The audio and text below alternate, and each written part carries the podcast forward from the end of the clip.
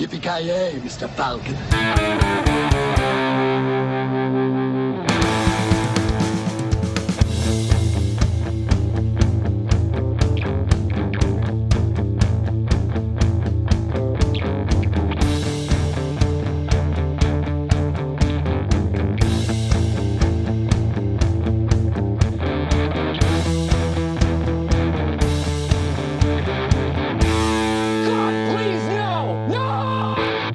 Jajamensan gott folk, hjärtligt välkomna till ännu ett avsnitt av Creative Meltdown Podcast. Ni har med mig Kalle.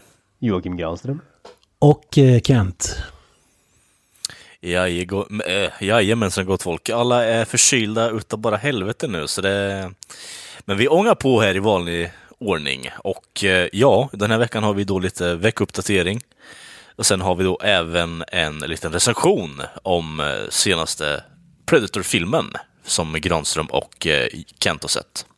Så det är bara att eh, se fram emot det. Men eh, jag tycker vi hoppar in lite i veckouppdateringen här då. Så Mr Granström, du kan ju få börja veckan där. Givetvis. Jag har ju som vissa av lyssnarna kanske redan har sett på en Instagram har ju införskaffat soundtracket till senaste Doom-spelet på vinyl. Givetvis, det är väl så mycket hipster som jag blir, jag köper saker på vinyl. Och tv-spelsmusik dessutom. Ja, precis. Det, det, är ju definitivt så att den här musiken är inspelad eh, analogt så man har ju extremt mycket ut av att köpa den på ett analogt format också. är det från eh, Super Nintendo-versionen eller? Nej, det, det, är eh, från det senaste, från 2016 det här soundtracket kommer.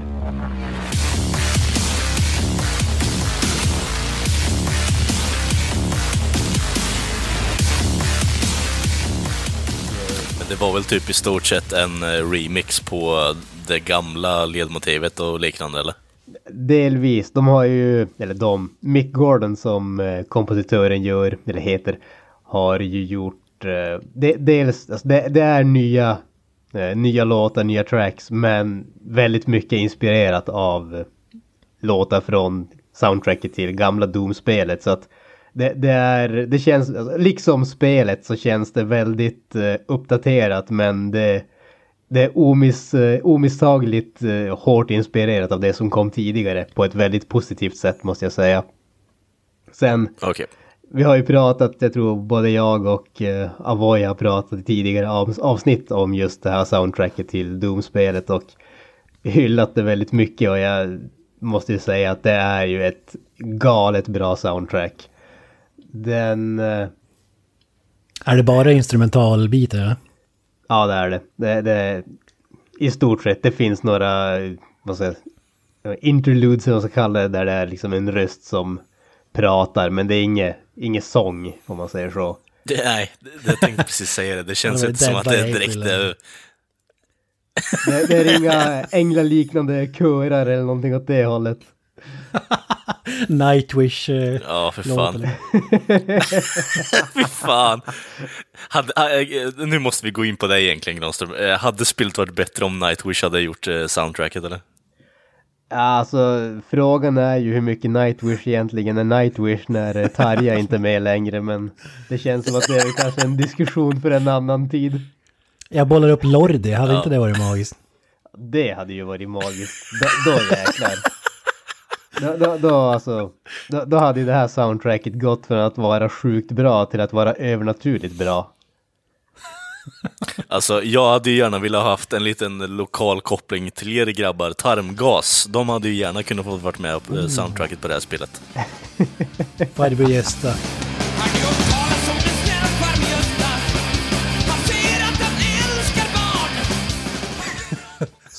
I slutbossen liksom.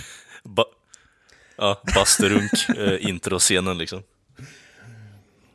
Ja, smal referens där, men det, det gillar vi.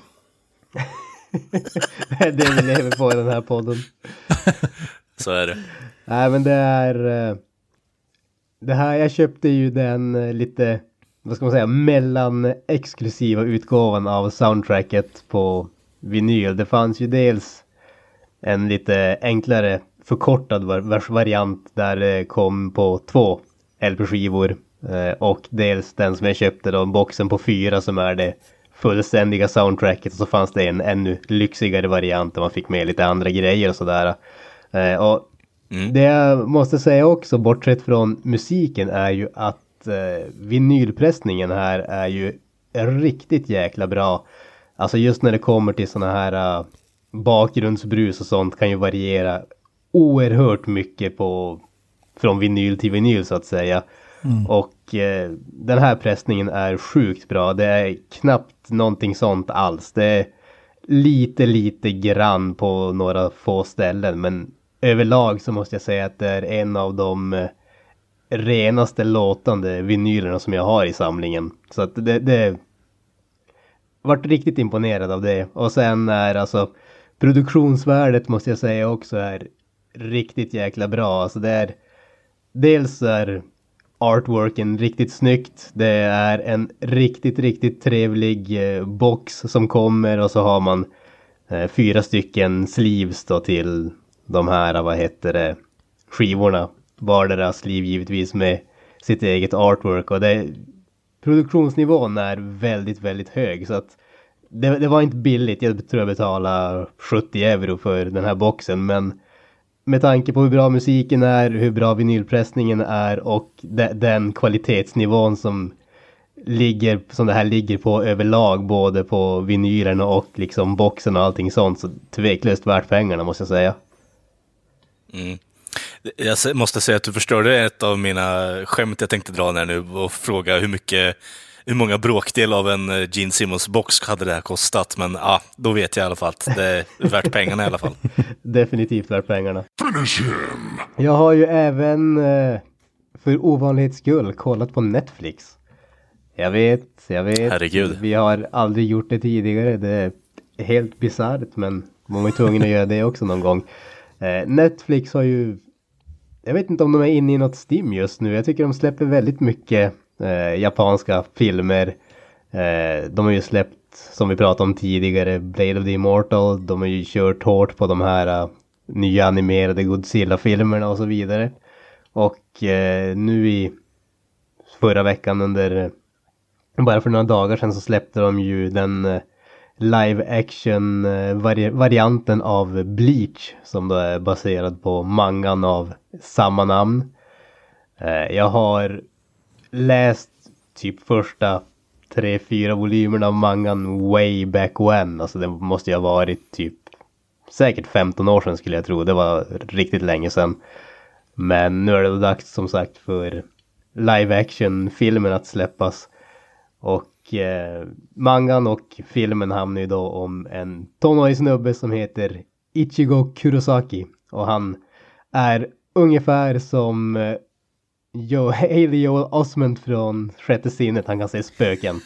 Men eh, istället för att vara en whiny little bitch så är han typ en eh, hyfsat normal tonåring som har en lite stor mun och en eh, förkärlek för att eh, utöva våld på dem som inte beter sig respektfullt mot de döda. Om man säger så. Eh, den här förmågan att se spöken gör också att han råkar se en lieman som strider mot en så kallad ihålig. En ihålig är typ en ond själ som äter andra själar kan man typ säga.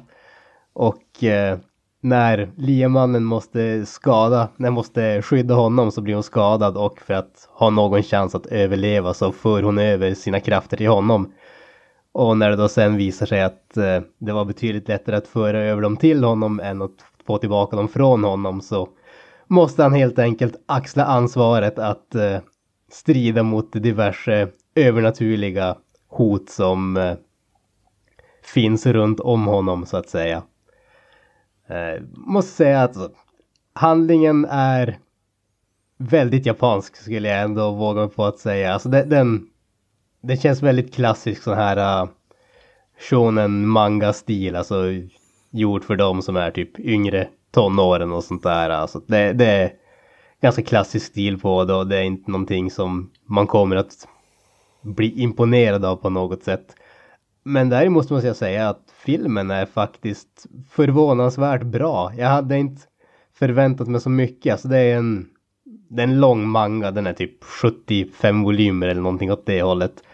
Så min första tanke var ju att de skulle göra samma sak som de gjorde med Blade of the Immortal, det vill säga försöka krympa ihop allting i en två timmar lång film. Och glädjande nog så har de ju inte gjort det utan de har tagit de här första antalet volymerna, första storylinen och gjort en film av det. Och det gör att det, det känns inte som att man har klämt in en massa saker som inte behöver vara där. Den har ett tydligt slut och det är liksom, visst det är lätt att fortsätta från det men det känns inte som att det bara slutar mitt i eller någonting sånt. Sen så tycker jag att eh, visuellt måste jag säga att den är faktiskt imponerande snygg tyckte jag. Alltså just många asiatiska filmer och kanske actionfilmer i synnerhet brukar ju inte vara eh, de mest imponerande när man jämför, alltså, ja, jämför med Hollywood när det kommer till datanimationer och allting sånt. Den här filmen är inte på den nivån heller. Men för att vara en eh, japansk actionfilm så måste jag säga att den såg faktiskt imponerande ut tyckte jag ändå.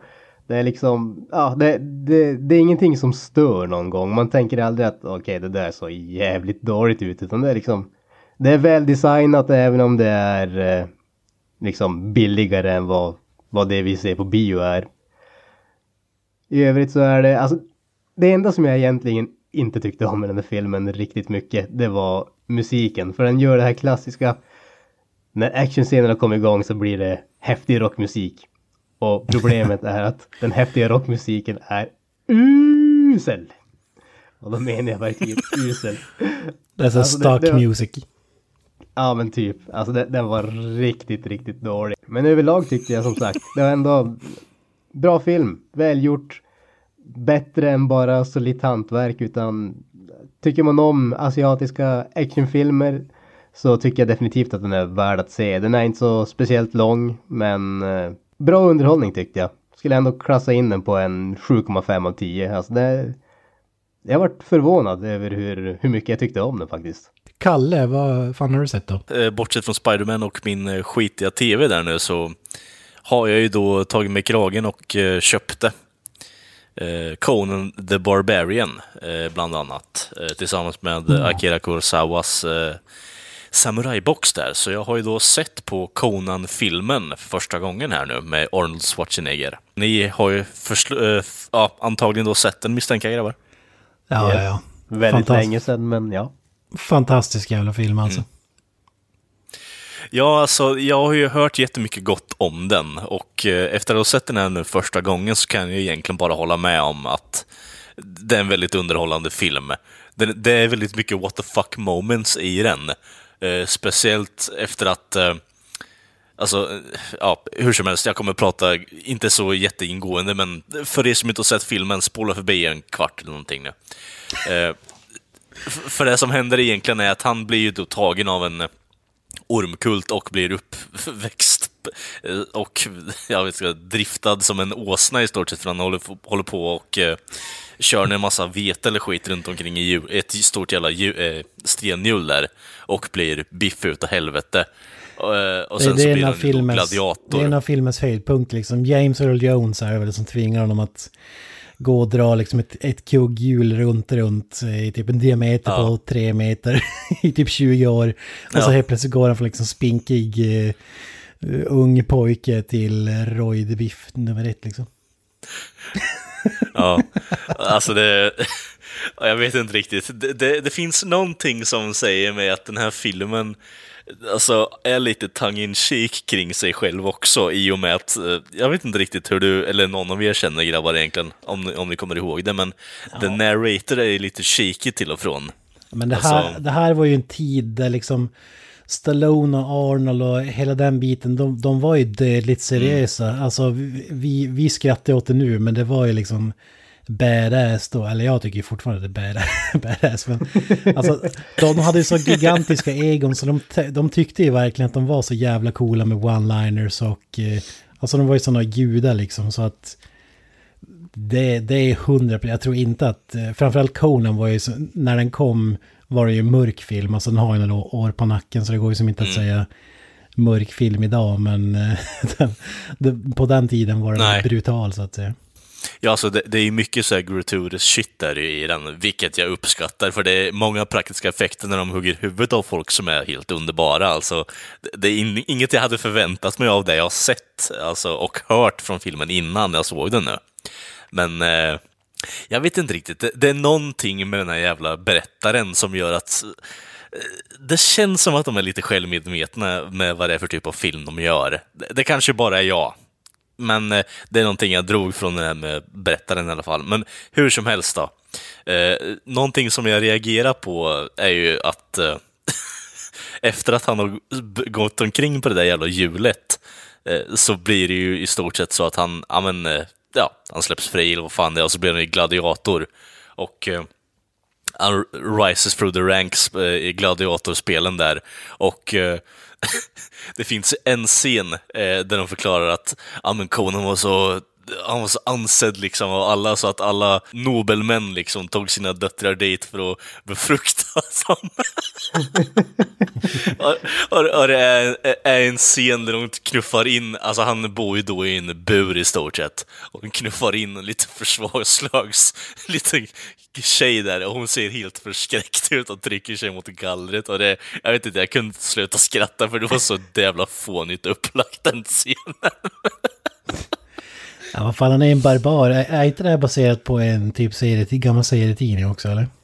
Det var väl böcker innan det var... Var det böcker kanske? Innan det var Ja. serietidning. Men det, det är väl... Alltså när skapades den? Det måste ju varit typ 40-talet eller någonting åt det hållet. Conan är ju jävligt gammal. Mm. Nej, men hur som helst, alltså... Det, det är så här, den, den här filmen drar en, eh, vad ska man säga, man är inte riktigt beredd på det, vad som kommer att hända i den här filmen. Och då har jag ändå hört ganska mycket om den här filmen, bland annat det här underbara citatet på “What is best in life?” och så vidare och så vidare. um, Underbart alltså det- ja men alltså, bara... To crush your enemies, to see them dribble before you and hear the lamentation of the women. Conan, what is best in life? To crush your enemies, see them driven before you, and to hear the lamentation of the women. That is good. That is good. liksom, det, det är något så här, det är något underbart genom att höra en stor österrikisk jävla bodybuilder försöka bumla sig fram med det. Det, det ger lite mer umf i det också. Ja, det är ju det är sjukt badass line alltså. Ja, absolut. Det är en, det är en riktigt bra linare. Så det, det är inte det. Jag pissar inte på den om det är det du tror. Men, eh, nej, men alltså det...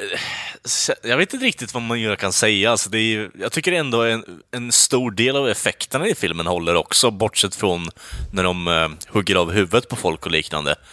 Um, någon grej jag tänkte lite på är väl den här jävla uh, transition-scenen när James Earl Jones förvandlas till en orm. Jag vet inte riktigt, det ser inte så här jätte... det ser inte så här Övertygande ut. Det ser...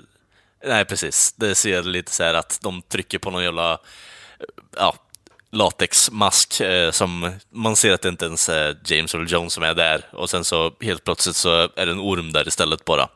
Det, jag vet inte riktigt. Men vad fan ska, är jag för att säga till om det? Det är ju liksom en, det är en fantasyfilm, så jag, jag köper ju konceptet. Men överlag, alltså bortsett från allt det här, så jag tycker det är en riktigt underhållande film. Så det är definitivt en filmklassiker i min mening. Sjukt nöjd över att jag la ut pengar och tid på att ta tag i det här och se den. Ja, det är en riktig klassiker. Alltså, bara att se Arnold svinga det här gigantiska svärdet liksom är ju... Ja, det är ju riktigt Mm. coolt alltså. Ja. det, det, är, det är definitivt en, en del av filmhistorien och man måste nästan se den faktiskt. Jag har ju kikat på två serier som eh, nyss har kommit ut. Eller det har kommit två avsnitt av varje. Båda på HBO Nordic och den första är det om Mayans MC. och eh, är ju då en spin-off-serie av Sons of Anarchy-serien där med Charlie Hunnam, Ron Perlman och så vidare. Jag gillar att du eh, dels har pissat på Sense of Anarchy, men du hoppar fortfarande in på en spin-off-serie. Det är lite intressant. Ja, men äh, ja, ja, jag var inget fan av of Anarchy, men... Alltså man vet ju aldrig. Vi, vi säger som Better Call Saul, som där jag tycker att spin-off-serien är bättre än, en eh, Ja, det- det är sant. till exempel. Alltså, det kan ju komma något nytt. Eh, ty- Tyvärr är det här inte en sån, utan det är ju mer av same shit så att säga. Så Mm. gillar man Sons of Anarchy så kommer man nog gilla det här, men det var inte imponerad. Däremot var det imponerande, det var ju massa så här, vissa är cameos och vissa är riktiga roller, men det var ju tre skådespelare som sticker ut. Eller, eller kan vi dra vad serien handlar om? Det är ett, det är ett MC-gäng som fanns med i Sons of Anarchy och vad jag förstått så utspelar sig det här parallellt med den serien. Alltså det är inte en, en prequel eller vad som händer efter uppföljare utan det, det utspelas i det universumet samtidigt som Sons of Anarchy härjar. Eh, Du har några cameos från det gänget som, som dyker upp också i första avsnittet bland annat. Ja, okej. Och det här är då ett, eh, ett gäng på den mexikanska gränsen som, eh, ja, i princip håller på och leker gangsters så att säga på motorcyklar. Ja, skådespelare som sticker ut då. Eh, Den första är ju, på tal om eh, The Predator som ska snacka här senare, han blev ju bortklippt från The Predator, men Edward James Ol- Olmos. Känd från Blade Runner, snubben som viker de här pappersfigurerna. Det, det är väl det han är känd för. Alltså jag är förvånad, ja, jag är förvånad över att han ens, ens står, så det, ja, okej, att han ska vara med i en sån serie. Ja men det är det som är det bästa. Det ser ut som att liksom har tagit en sån här sopkvast och en skrapa, liksom skrapat upp honom och så bara hällt ut honom on stage. Alltså för han ser så jävla... ja, jag förstår varför han blev bortklippt från The Predator om jag säger så. Han är, det är liksom en kul liksom kultfigur sådär, jag menar... Han är ju inte i sina livs bästa dagar just nu så att säga. Det låter mer så att, som att han är typ en novelty act i din mening där Kent. Ja men alltså han, spelar farsan till en av medlemmarna.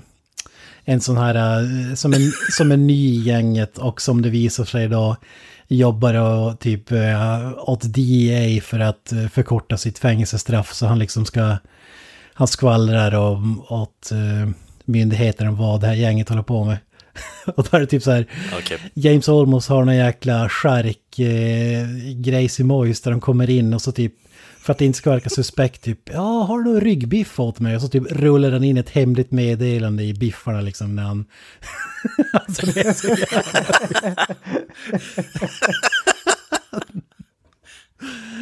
eh, andra namnet är då Robert Patrick T-1000 från Terminator 2 eh, Terminator som liksom smälter ihop till ja, vad ska man säga, silver eller någonting. Kvicksilver, vad det nu är. Ja, där hade, där hade en bra kandidat till eh, Dead or Alive egentligen, känner jag faktiskt. Ja, han, han är ju inte heller i sitt livs form, men äh, det är kul att se honom liksom. Vad jag, Ja. jag minns honom bara från, eh, från Dusk Dawn-filmerna. Tv-serien var väl med i också. Man ser, man ser honom lite här och där i små, små roller och han hade ju en extremt liten roll i Sons of Anarchy-serien som man då... Ja, dyker upp här också. Mm. Eh, cirka en minut kanske.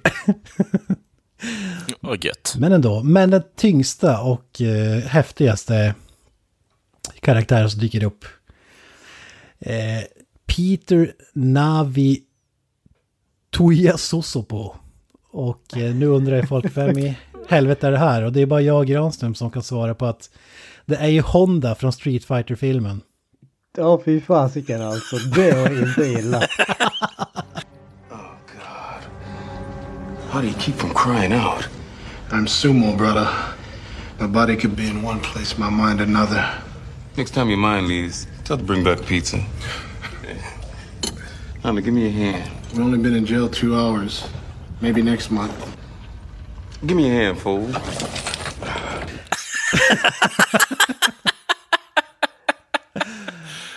Fan vad Är magisk skådespelare och eh, spoiler alert men de hugger armen av dem med machete-liknande grej. Nej, vad fan. ja, Den där de, serien uh, suger ju uppenbarligen alltså. ja, de blåste ju en, en potentiell huvudrollsinnehavare som kunde lyfta serien där. Bränner någon direkt liksom. Ja, det känns ju definitivt så. Ja, men kul att se dem. men Jag har fan inte sett dem i någonting annat förutom Street Fighter och Basketball liksom. Ja, han lever satte fortfarande på superinsatser. Satte väl inte Hollywood on fire så att säga. Han borde ha gjort det. det, är det som Alltså, det känns som att den där, alltså, det känns som att han borde vara typ någon form av eh, wrestlare som har blivit försökt göra filmkarriär också. Ja, men de hade, hade det cool att de, det är synd att de bränner dem direkt, för det hade varit coolt. Han är ledare för ett eh, Samoan gang. Det hade ju varit magiskt att se honom som liksom I got an offer you can't refuse-roll liksom. Ja.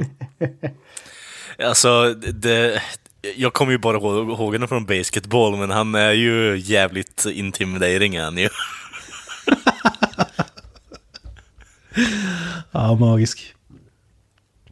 Ja, det är Eh. en underbar film faktiskt. Det var väl höjdpunkten i serien för mig. Det var lite, jag tycker det var lite rörigt och... Eh, ah, det var... Det, det kändes inte så, så välgjort faktiskt som... Första säsongen av Sons of Anarchy är ändå helt okej tycker jag. Sen blir det ju successivt sämre och sämre ju längre tiden går tycker jag, men... Ja, får vi se. Får vi se om jag kikar något mer avsnitt, men jag tror inte det. Aja har ju klämt in en, ännu en serie då, två avsnitt. Och eh, Jim Carrey eh, har ju en ny komediserie, drama, komedi, comedy drama serie som heter Kidding. Eh, här, här- var det, här var det betydligt bättre tycker jag. Eh, även om det inte var en homerun det heller, men han, han spelar en, eh, en snubbe som har varit liksom USAs mest kända barnprogramsledare. Alltså han har något sådär urlöjligt Sesame Street-aktigt program som han har kört i liksom 30 år eller vad det är.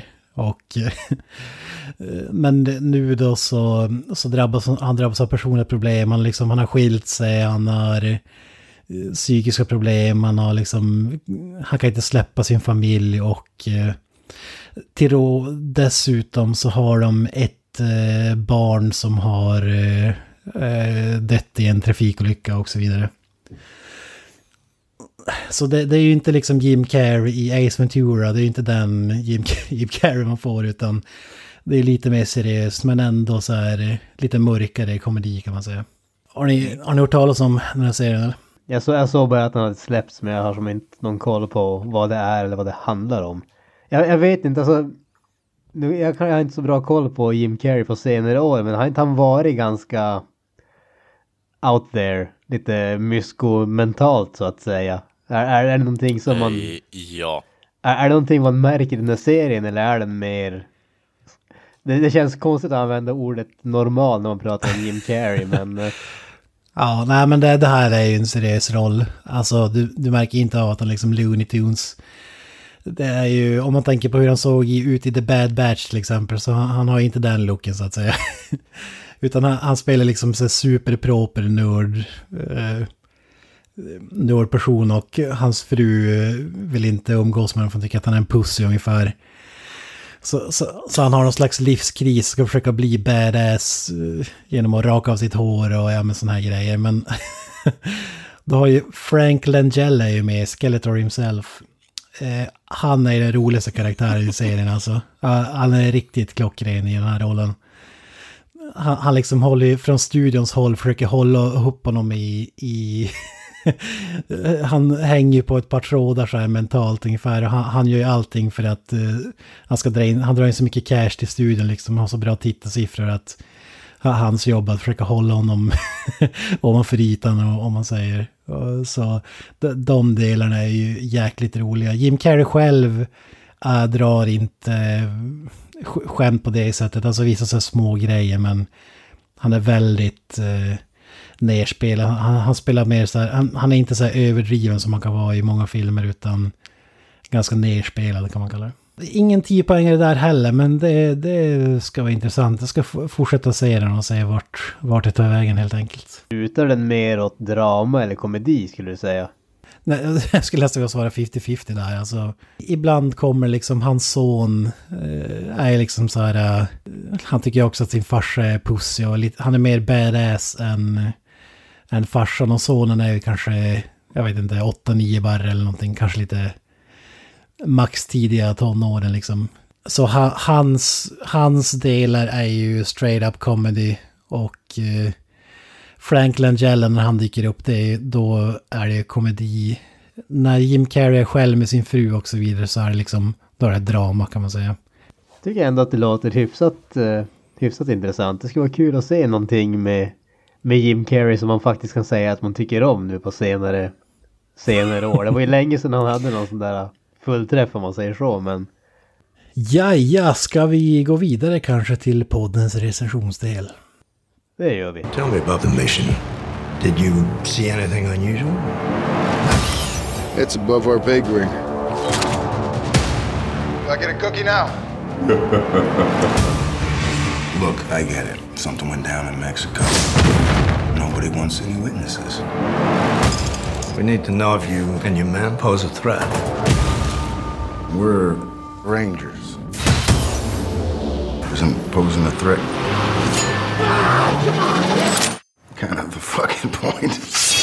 Alltså första Predator-filmen det är ju, vi har ju pratat om den mycket tidigare, det är ju en sån där riktig actionklassiker och jag måste ju säga att den, den håller ju faktiskt fortfarande. Givetvis effektmässigt och sånt, det finns vissa grejer som man kan eh, klaga på men som film så är den ju oerhört underhållande måste man ju säga. Så att den, den har ju väldigt, väldigt höga tankar om.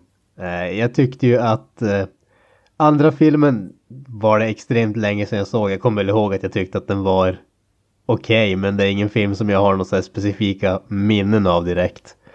Eh, det jag mest kommer ihåg av eh, Predators, det var väl Dels tyckte jag att effekterna var riktigt, riktigt snygga och sen att uh, Lawrence Fishburne var typ levande. Antar jag i den filmen. Jag vet inte riktigt vad han är i den filmen. Men han känns inte riktigt levande, han känns inte riktigt död. Men han är där i alla fall. ja. ja, det var inte någon favoritkaraktär i den filmen kan vi säga. Nej, definitivt inte. Ja, jag har ju bara sett uh, den första filmen då. Uh, men uh, ja, jag, jag, tyckte den var, den var jävligt bra. definitivt actionklassiker där också. Så jag vet inte, universumet är intressant tycker jag definitivt. Däremot så blir det lite... Det blir inte så mycket förklarat i första filmen tycker jag gällande varför det finns en utomjording där, men... Ja, jag är inte helt emot universumet om vi säger så. Det känns som en film som, ska man börja förklara det så blir det pannkaka precis som liksom varför Jason, ja. fredag den 13, Michael Myers i Halloween och så vidare. Men... Jo, precis. Ja, jag har ju sett alla filmer och är ju ett eh, superfan av den första filmen. Den är ju 10 av 10. Det är en av mina absoluta favoritfilmer genom alla tider. Tvåan har vi pratat om, har jag pratat om ganska nyligt. Tycker den är grovt underskattad och den är underbar fast på ett helt annat sätt liksom. I movie way. Eh, Predators tyckte jag om eh, jäkligt mycket också. Det var ju liksom en... Näst, det var ju första... Den andra filmen är någonting helt annat än den första. Och Predators, som blir den tredje då, var ju lite tillbaka till till rätterna en hint av remake av den första filmen fast ändå inte på något sätt. I alla fall karaktären och så vidare. Tycker jag också att den är riktigt bra. Och jag tillhör ju faktiskt den skaran. Den lilla skaran människor som även gillar Alien vs Predator. Och eh, ja, här kanske många undrar alltså hur i helvete är det möjligt. Men jag jag vet inte, det, det var någonting, jag så, såg den på bio när den kom och eh, bara att se liksom Alien, ett, ett, ännu ett favoritfranchise, möta en, en Predator liksom, det var, det var coolt, kort sagt. Alltså jag tyckte om första AVPn tycker jag ändå är helt okej. Okay. Det är ju ändå Paul W.S. Anderson som har ja. gjort den. Så att jag menar, man, man, vet ju att det finns ju en viss kvalitet när man har det namnet i regissörstolen så att säga. Exakt, mästerregissör. Alltså, det finns ju slutet där är väl, eh, det är väl kanske där som är den svaga biten men alltså jag tycker om väldigt, väldigt mycket i den filmen måste jag erkänna. Alltså jag, jag såg om den för in, ja, något år sedan kanske nu, men den...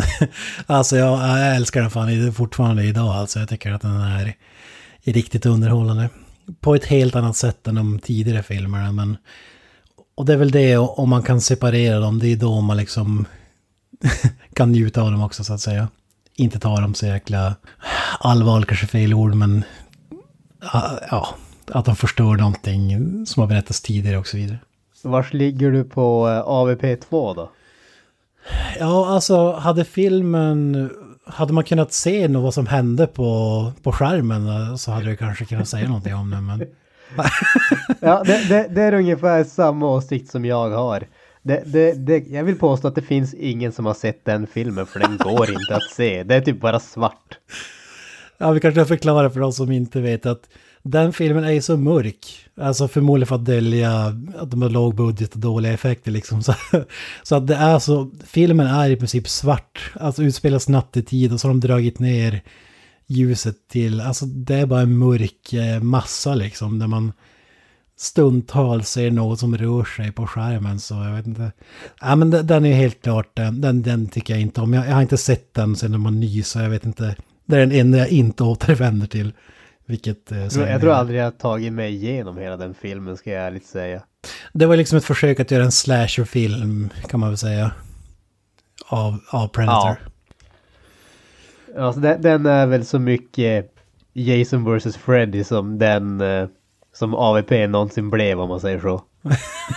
Ja, exakt. Jason Goes to Hell-versionen i Predator-universumet. Fan, vi kanske måste köra ett avsnitt om den alltså. Det, det var så länge sedan jag såg den. Den kanske har eh, åldrats med värdighet nu när det finns... när det finns tv-apparater som kan skruva upp ljusstyrkan ordentligt så kanske man kan säga någonting om det. Ja, fasiken, det, det skulle nästan vara värt det bara för att se vad det Se, se om det håller överhuvudtaget eller om det är värre än man kommer ihåg det. Jag googlade ju för ett tag sedan där på, på liksom... För att se om man minns den, om det var liksom, man minns fel, att det kanske inte var så mörkt som man trodde. Men när man ser så här äh, bilder från filmen på IMDB så är det ju liksom bara kolsvart alltså. Eh, Jesus Christ. Nej, äh, men som sagt, eh, superfan av, eh, av hela, ja, egentligen alla filmer förutom AVP 2 då möjligtvis, Requiem. Men... Så det, det är så jag kommer in i den här filmen. Eh, Kalle, du har inte sett The Predator. Har, har du planer på att se den eller skippa den? Alltså, du har ju hypat upp den. Eh, men alltså, utifrån trailern tyckte jag inte att det såg så jävla intressant ut. Men i det här fallet blir det nog skippa den faktiskt. Men eh, ni får väl se om ni kan lyckas övertala mig att gå och se den i alla fall. Alltså, mar- jag vet inte vad du säger Granström, men marknadsföringen till den här filmen har ju inte varit klockren kan man säga. Men däremot tyckte jag, det har ju varit reshoots och grejer. Men sista trailern var ju helt klart den, den bästa av dem. Och den har ju som vacklat så här eh, inför Eh, gått från superhype till supersänkta förväntningar med reshoots och flyttat datum och grejer och eh, vissa trailers har väl varit sista där om man ska vara ärlig. Fram tills den, den sista då tyckte jag såg riktigt eh, häftig ut. Ja, alltså det, det, jag skulle väl säga att jag ligger i ungefär samma sitt som dig. Det har definitivt varit ett... Eh, alltså förväntningarna på den här filmen har ju varit en berg och dalbana. Det har ju gått från vä väldigt, väldigt mycket hype till ingenting till jättemycket igen och fram och tillbaka hur många gånger som helst. Så att jag måste erkänna att när jag väl satte mig i biofåtöljen visste jag inte riktigt säker på. Var inte riktigt säker på vad jag skulle förvänta mig egentligen.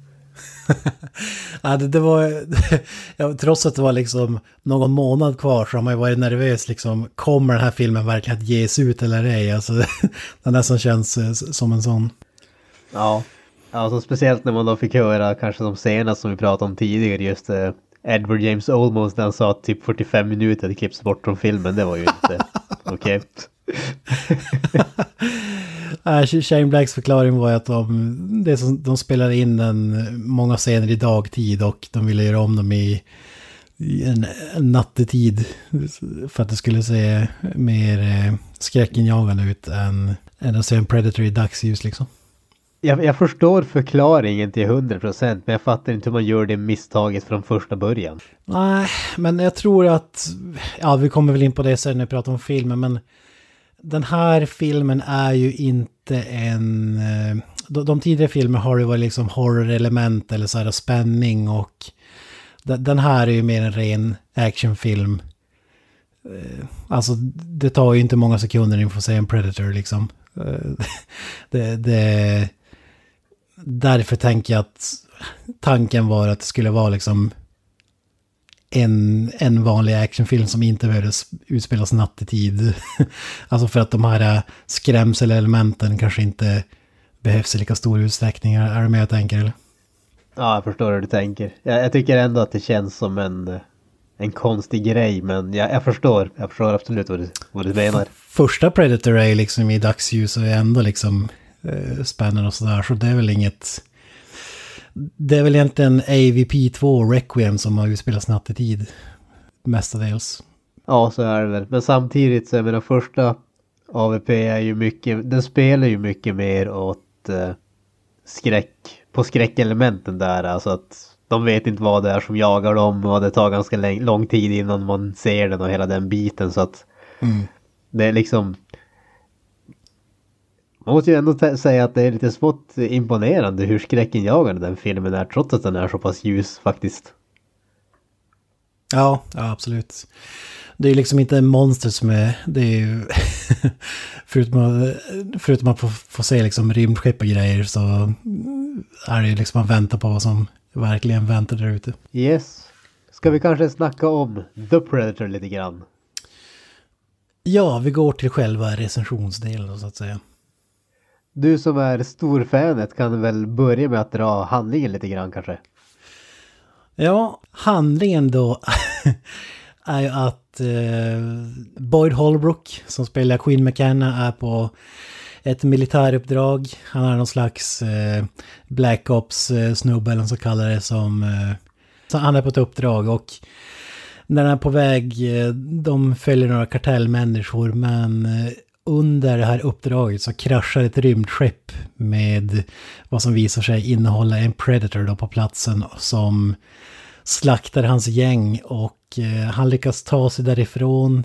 Han snor med sig eh, några tillbehör som tillhörde den Predator som har kraschat eh, rymdskepp och skickar hem den med posten till sin son för att han vet ju att militären kommer ta in honom till förhör och han vill inte, mm, de kommer ju liksom eh, inte låta honom eh, de kommer liksom inte låta en militär som har sett en alien släppa honom vind för våg och för att han skulle ha något bevis då så, så postar han de här grejerna till sin son innan han eh, plockas upp av, av militären då. Och ja, det är väl det filmen handlar om. För att film... i början, innan det här händer så får man se en Predator som jagar en annan i två olika rymdskepp. Och den ena kraschar och eh, ja, vi får följa mm, filmen unfolds efter det så att säga. Är det något mer man måste tillägga eller? Nej, inte så jättemycket. Eh, det man kan säga är ju att eh, när han då måste ta sig tillbaka till sin familj så får han ju sällskap av en grupp soldater som är de man har sett mycket av i trailersna och de lider ju alla av PTSD, posttraumatic Stress Syndrome och så. Det är därför de är lite, låt oss säga, udda. Så att det är liksom de, de som är the unit i den här filmen. Ja, precis. Ett gäng i princip mentalsjuka soldater som av en slump hamnar på samma buss och eh, slutar med att de tar upp eh, jakten på, på den här Predatorn. då. Ja, precis. Ja, ja, men vad säger du? Vacklande förväntningar säger du. Vad, vad hade du för känsla när du klev ut från biografen? Jag måste säga att eh, om vi ska säga att förväntningarna vacklar så kan jag väl säga att slutresultatet vacklade ganska mycket också. Det, det finns grejer som jag tyckte väldigt mycket om och det finns grejer som jag tyckte var väldigt, väldigt dåliga i den här filmen.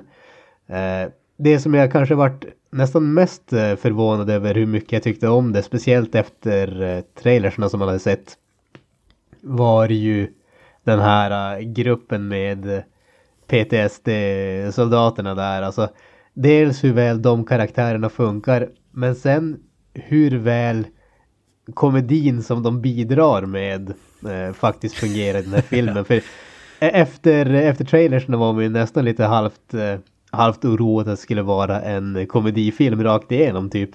Men eh, alltså jag tyckte att de höll det ändå på en, eh, de höll det på en bra nivå. Jag tyckte att den gruppen karaktärer funkar väldigt bra. Sen måste jag erkänna att jag var rätt så glad att se Tom Jane igen. eh, stor film vet jag inte vad man ska kalla det, men en, eh, en, en något större film i alla fall. Det var länge sedan han fick göra någonting vettigt. Jag tyckte faktiskt det var rätt kul i den här filmen. Så att det, det, den biten tyckte jag definitivt om. Så ska vi gå igenom skådespelare som är i det här gänget, så för de som inte har koll på det liksom. Då ju Thomas Jane då, före detta Punisher, är en av dem. Och så har du Keegan Michael Key bland annat. Alltså han är väl mer känd från Key and Peele. Är det någonting annat som han har gjort som har varit sådär, äh, där man känner igen han? Mad? TV. Mad TV. Aldrig sett Mad TV så. Det var där den började i alla fall så. Han har varit med i två filmer som jag tycker är bra. Let's Be Cops, en komedi, och Keanu också en komedi som jag tycker är lite smårolig faktiskt. Men det är väl typ det jag har sett honom i vad jag minns. Disaster Artist också givetvis. Eh, Och så har vi ju Sterling K. Brown som spe spelar Traeger. Han, han är inte med i det gänget, han är mer en, eh, ja vad ska man kalla det, government eh, FBI-snubbe eller vad man ska kalla det. Ja, precis. Jobbar för andra sidan. Vi har Jake Busey. Son till Gary Busey som var med i Predator 2. Eh, li- lite kul koppling där, får man ju säga. Ja, han, är, han är dessutom son till den karaktären också så att. Ja, precis. Eh, Och så har vi en snubbe som jag aldrig hört talas om, Augusto, Augusto Aguilera. Som... Att jag tyckte jag gjorde ett, ett bra jobb, men jag har aldrig sett honom i, i någonting tidigare faktiskt. Ja, nej, det är ingen aning om vem han är faktiskt heller. Ja, Alfie Allen som jag inte har, har koll på heller om jag ska vara ärlig. Han är ju med i, vad heter det, han är ju Game of Thrones. Han är ju med i, Ja, just ja. Theon Greyjoy, det är ju för fan. precis. Nu när du säger det, det kopplar inte när jag såg filmen. Och då får vi sällskap av Olivia Munn då, som är någon slags eh, forskar, forskargrej åt the government, men som eh, joinar det här gänget då. Eh, i övrigt kom, av de man ska nämna väl Jacob Tremblay som jag tycker var riktigt bra. En eh, barnskådespelare som var i Room, inte The Room utan, utan Room som jag tyckte var ruskigt bra. En dramafilm. Han var riktigt bra i den. Tyckte att han var helt okej i den här också. Det är väl de, ja givetvis Trevante Rhodes som jag tyckte nästan mest om i det här gänget. Han, har varit med i Moonlight bland annat, Westworld. Jag tror jag har inte sett honom i någon, jag har inte sett någon av dem och jag har inte sett honom i någonting tidigare. Men han var ju en av, definitivt en av dem som stod ut mest i den här filmen tycker jag. Ja, ja i, i det här gänget tycker jag att han stod ut mest liksom. Nebraska Williams heter hans karaktär. Då har vi stökat av den. Eh, Vill du lägga till något mer eller ska jag gå in på vad jag tyckte om filmen så att säga? Nej då, kasta dig in i vad du tyckte. Jag har en extrem åsikt om den här filmen. Du älskar den. Det är ju inte en film för alla. Det kan ju helt sä- säkert säga. Eh, Den har sina brister och eh, framförallt eh, när vi börjar närma oss slutet kan man säga. Men jag älskar den här filmen. Det är årets bästa film än så länge.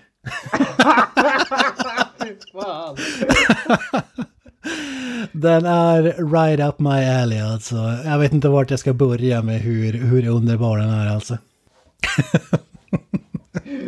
Ja, det, bara kör på, hylla på. Jag, jag kommer att eh, ha en annan åsikt, så hylla på för guds skull.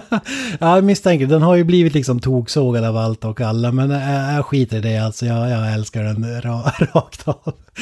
Ha- Hade det inte varit för eh, absoluta slutet så hade de satt en eh, 10 i betyg. Alltså, så, så jäkla...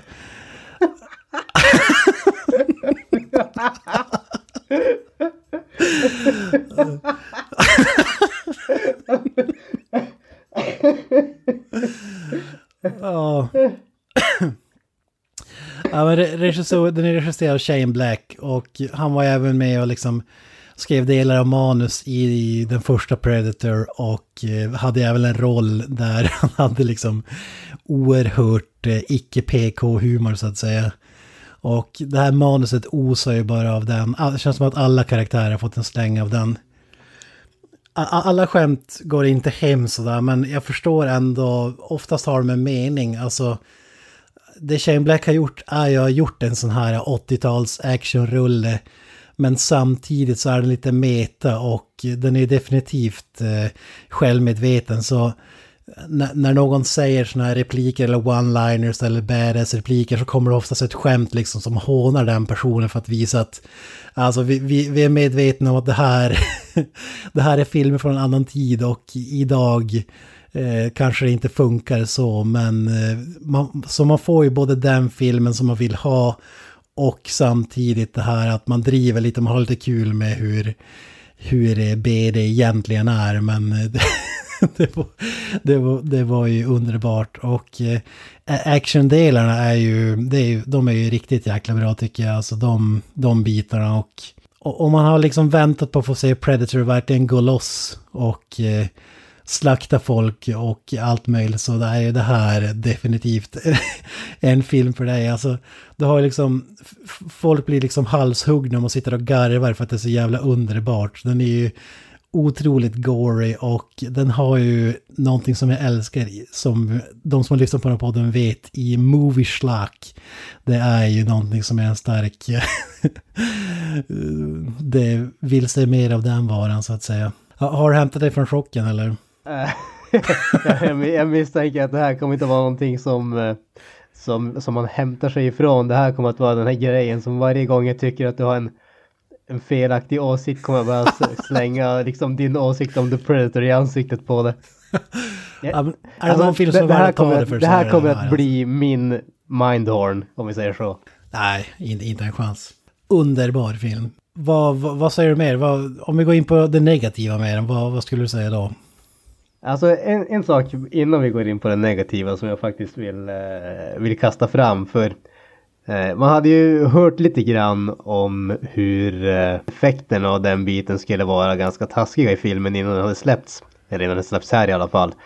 Jag måste säga att jag tyckte ändå den såg bra ut. Alltså givetvis, det finns vissa grejer som är mindre imponerande än andra. Men mm. alltså de praktiska effekterna med, eh, vad heter det, Predator-dräkten om man ska kalla det. Ja. Alltså det ser ju sjukt bra ut. Det är faktiskt, måste man säga, bland de snyggaste praktiska effekterna man sett från en Hollywoodfilm på jävligt länge.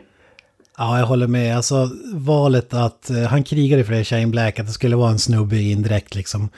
Och det har ju verkligen sin payoff.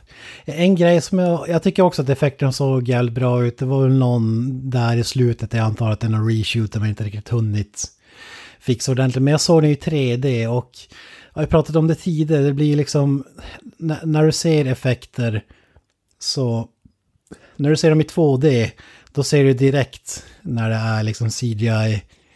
För att ljuset stämmer inte, det blir liksom en linje runt, om vi säger att det är ett monster eller rymdskepp eller någonting som liksom skär sig. Men i 3D klipps ju den delen ut så det syns inte lika tydligt. Så jag kan som inte göra en riktig bedömning egentligen av men, men av det jag såg såg det riktigt bra ut, framförallt med tanke på budgeten som var liksom 88 miljoner dollar sägs väl att han hade och om man jämför med liksom Incredibles 2 hade 200 miljoner dollar i budget så bang for the buck får man ju säga att det blev. De, de spenderade pengarna väl måste man ju säga. Ja, ja. Ja, det, det, det, finns så mycket som jag älskar med den här filmen, alltså att, att det verkligen är en snubbe i en dräkt och som du säger. Och det man alltså, någonting som jag gillar också, det är omotiverat våld. Och det har ju en hel del av, av den, här bit, den här filmen alltså. Jag vill påstå att våldet motiverar sig själv. Ja, men precis. Det är ju, på film är det ju faktiskt underbart de här, liksom bara Ja, det, den är ju rated R och man kan ju säga att den tar ju, det måste ju vara på gränsen till att den är godkänd som rated R för den är jäkligt gory och eh, hela den biten också. Så jag älskar ju att man verkligen går all in där, att det inte är en PG-13 utan det här är liksom både i språket som används. den har fått mycket kritik, precis som Predator 2. kritik för att det är mycket svordomar och sånt där, men fan alltså allting är så slätstruket idag som man går och ser på bio. Så det blir som en ventil liksom när det kommer en sån här film som liksom bara skiter i det och tänjer på gränserna liksom att... Man Gör vad den vill. Man behöver, ja, man behöver inte vara så jäkla noga med att det ska vara liksom PK och hålla sig på liksom barnvänlig nivå och så vidare utan... Ja, den här är ju lite av ett love letter till oss som älskar Predator-franchiset måste jag säga. Yes. Som sagt, kanske de eh, lite mer negativa bitarna. För mig så, jag har ju två grejer som jag störde mig väldigt mycket på när det kommer till castingen måste man ju säga. Och det är ju dels Boyd Holbrook i huvudrollen. Alltså jag tyckte att han var otroligt intetsägande. Jag vet inte, alltså det, det, han har ju noll karisma, han har noll utstrålning. Det, alltså det, det kändes som att flera, alltså flera gånger i filmen så pratar de om vilket badass den karaktären är. Och han känns aldrig som ett badass, inte ens i actionscenerna känns han som ett badass. Och sen när han ska liksom ha ett trassligt familjeliv och hela den biten. Jag köper inte det heller för han är inte tillräckligt bra skådis för att förmedla känslorna överhuvudtaget. Så att alltså Boyd Holbrook fall föll extremt platt för mig måste jag säga, tyvärr. Han är, jag ju- han är faktiskt- en modell turned actor, så jag vet inte vad vi pratar om. ja, men jag måste ändå säga, jag tyckte han... eh, Jag tyckte han gjorde det, han var betydligt mer, vad ska man säga, skräckenjagande. Det kändes betydligt mer... eh, eh, alltså han hade betydligt mer presence i eh, Logan tyckte jag, där han var eh, en av skurkarna där. Inte så att han var liksom, satte världen i brand med sin framstrålning eller någonting åt det hållet. Men jag tyckte han var, han kändes betydligt bättre i den filmen i alla fall. Här kändes han helt fel. Eh, Den andra som jag tyckte var en eh, lika stor katastrof är ju Olivia Munn. Alltså, Nej. hon, hon, alltså jag har ohyggligt svårt för henne. Hon, hon alltså jag, jag kan inte säga att jag har sett henne i en enda film eller roll där jag tyckte att hon har varit bra. Och att liksom, att kasta henne som en doktor, det är ungefär, alltså den här castingen är på samma nivå som när de gjorde Denise Richards till en kärnfysiker i Bond-filmen. Det, det, det är på den nivån. Alltså det, det är... Ah, det, det var du, du måste dåligt. förstå att, du måste förstå att det här är ju, det är ju meningen liksom. Alltså Shane Black har gjort liksom en karikatyr version av Predator. Alltså det är ju det jag tycker det är briljant. Som du säger, Boyd Holbrook, han är ju liksom motsatsen till Arnold Schwarzenegger. Han har ju inga muskler och han har ju ingen karisma och sådär. Men han, han säger ju de linesen som Arnold skulle kunna ha sagt. Och sen blir han hånad för det för att de tycker inte att, att det låter badass. Alltså jag, jag tyckte att det var jävligt kul. Som, som du sa tidigare, det var ju bra så här blandning av, av humor och eh, allvar liksom. Så det blev som en kommentering på, på den här typen av filmer att ja, hur de har åldrats och så vidare. Är du med jag tänker? Eller? Visst, jag kan förstå hur du tänker, men det gör inte att den här filmen blir bättre. Det, det är väl det. Jag, för- jag förstår vad du säger, men det räddar inte vad jag tycker att, eh, vad de gjorde fel i den här filmen. Jag skulle säga att den här filmen är liksom som ett internskämt på något vis. Alltså ingen annan fattar grejen förutom de som liksom har koll på, på Predator, 80-tals action, movie och vart Shane Black kommer ifrån liksom. Det, det känns som, eh, det kän, känns lite så. Ja, var det någonting som du, bortsett från slutet då, eller de typ sista fem minuterna som jag också tyckte var riktigt, riktigt dåliga, var det någonting som du inte tyckte om? Eh, ja, jag tyckte inte om Boyd Holbrooks fru, tyckte jag var en usel. Där har du en usel skådespelare. Som, som tur var så var ju bara med liksom, ja vad kan det vara, fem minuter i filmen eller någonting. Lite drygt känns det som.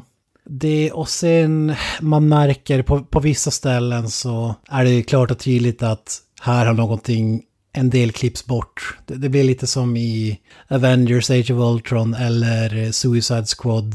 Att man, man känner bara okej, här helt plötsligt har det gått liksom jättelång tid. Eller så försöker vi bara få det överstökat snabbt. Här är no någonting som fattas liksom, alltså några sådana bitar. Och som du säger, absoluta slutet. Där det liksom, som kunde ha varit en end credit scen blir sista scenen. Och det är helt uppenbart att den som har bestämt hur den ska se ut har ju inte varit med och gjort filmen i övrigt utan det är någon studio, studiogrej så att säga. Den, då var vi tillbaka till så här PG-13-delen, eh, liksom en, en helt annan. Så, så det tyckte jag inte om. Annat än det, men jag tycker ändå alltså helheten, det var så det var så mycket bättre än vad jag trodde att det skulle vara liksom så att... Eh, jag vet inte om jag har så mycket klagomål. Alltså, jag tycker att...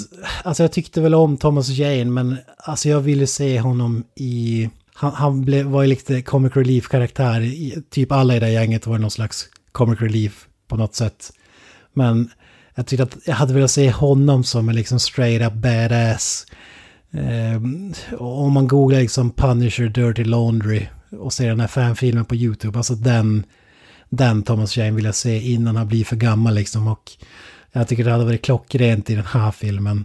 Så, så det tycker jag är lite synd, även om jag tycker att hans, hans karaktär får, får ju skina, han får ju skina lite i den här filmen också. Men jag tycker att man hade kunnat göra något betydligt bättre med honom. Annat än det vet jag inte om jag har något på rak arm sådär som jag tycker är, var direkt uselt. Men det, det är ju synd, i slutet av filmen så... För, första 45 minuterna var ju helt fantastiskt bra tyckte jag. Alltså, det, det var ju sen när man började märka att saker och ting har ändrats kanske mer än vad Shane Black ville erkänna innan filmen kom ut så att säga. Eller vad säger du? Jag tyckte definitivt, alltså just bitarna och kanske Eh, speciellt om man säger mot mitten och efter det så vad heter det märks det ju definitivt att, eh, att saker har försvunnit och det gör ju att eh, om man säger pacingen känns ju lite lite av också. Alltså det, det hoppar lite väl mycket på vissa ställen och sånt där. Men eh, alltså jag vet inte. Det, det jag vet, alltså det, det, känns som att jag har inte så jättemycket att säga om filmen. Den var den var bättre än jag trodde den skulle vara. Den var inte i närheten av vad jag hade hoppats att den skulle vara. Det, det var liksom... Den, den här filmen är okej. Okay. Det är inte så att jag ångrar att jag såg den, men det är inte någonting som jag kommer att längta efter att se igen direkt. Ja. ja vi kan komma tillbaka när vi ska sätta betyg, men man, man kan ju sätta som två betyg. Ett betyg för sådana som mig och ett betyg för de som undrar hur bra filmen är på på ett helt annat sätt. Jag tyckte det var, jag tyckte de hade hittat en intressant grej det här med att, ska inte spoila något men eh, det, det var ju till och med i trailern liksom eh, varför, eh, varför kallar ni det för Predator? Är det inte Hunter mer korrekt? Och det är också en sån här, eh, filmen, första Predator-filmen hette ju The Hunter först, innan de ändrade till Predator som var mer badass liksom. och jag ser framför mig liksom hur konversationen gick väl ungefär som den gjorde i filmen liksom. Alltså, kändes som må många sådana bitar var liksom kommentering på Predator som fenomen eller, eller film eh, eh, så. Jag vet inte om jag om man förstår vad jag pratar om men det, det, det de pratar i filmen och det, det, finns ju när de är i den här, när det här gänget eh, träffas för första gången har du också en sån scen. Det är någonting i stil med att de pratar om liksom någon metafor för uppföljare liksom och hela den biten och de driver ju med liksom de eh, quotesen som Arnold hade blivit liksom eh, hånad kanske fel ut men Get to the Shopper och, och de här som har de lite kul med så. Det var intressant också att de har ju referenser till varenda Predator-film. Alltså, du har till och med referenser till Alien vs Predator. Det var lite oväntat. Vissa vapen som hänger i labbet där i början av filmen och så vidare. Och sen Predator 2 helt klart. Första Predator givetvis. AVP 2 tror jag att jag eh, tog en referens på så att säga. Så, så det var lite kul också. Det jag menar med att de som gillar Predator får ju kanske ut mest av den här filmen. Har man inte koll på de grejerna så blir det som ett internskämt. Man visar ju liksom inte grejerna heller som man gör i Star Wars liksom åh, vi spelar på ren nostalgi liksom. Vi visar upp den här karaktären som liksom var med i fem sekunder i Return of the Jedi eller någonting. Utan det fyller som ändå någon slags mening eh, ändå. Hade du någon tanke kring den biten eller? Nej.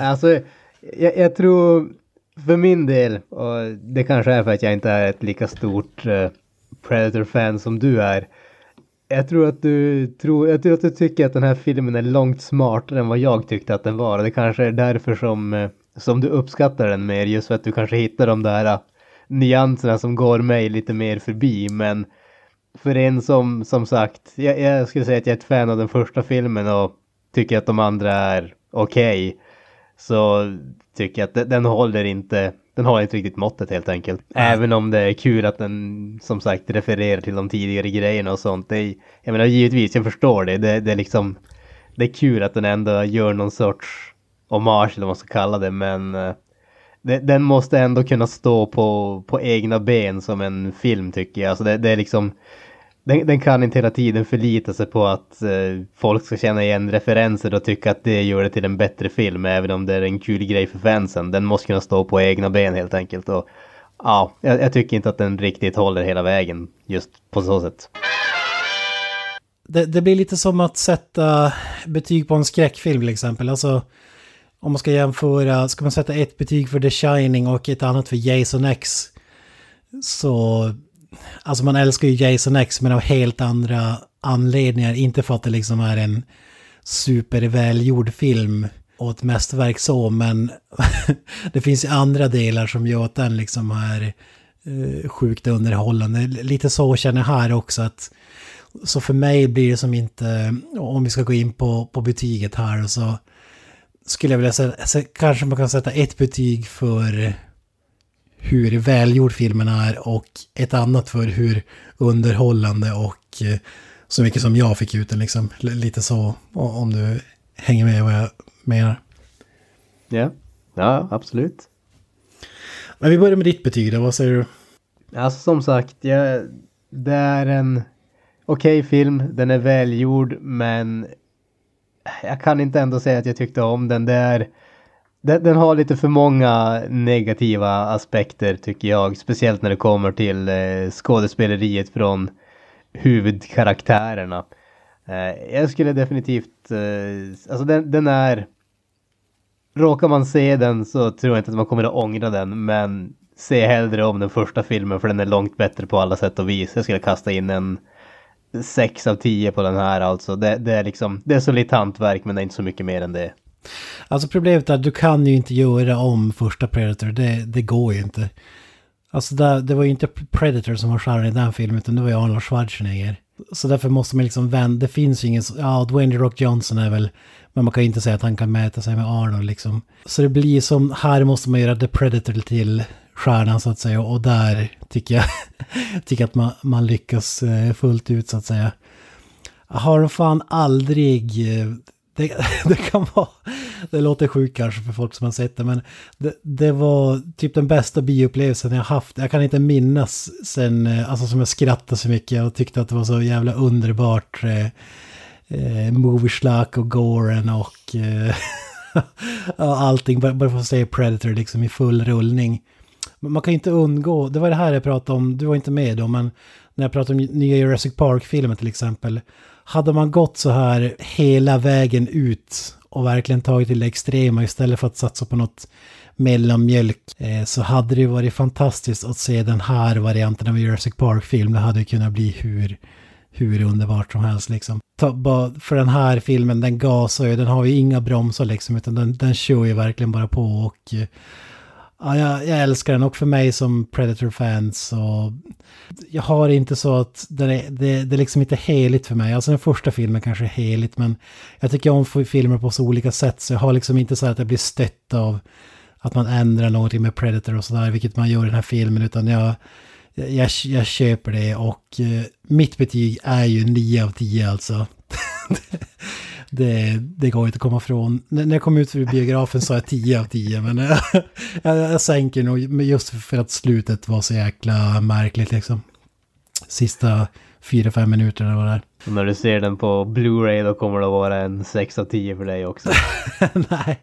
Ja men däremot om man skulle sätta betyg för någon som inte är superfan av Predator och inte gillar movieslack och gore och hela den här biten så skulle jag kanske säga som du, kanske någonstans, men kanske ja, 7 av 10, 6 av 10 där, där någonstans. Det är väl rättvist så, just för att på grund av att det finns de här ställena där kontinuiteten saknas så att säga.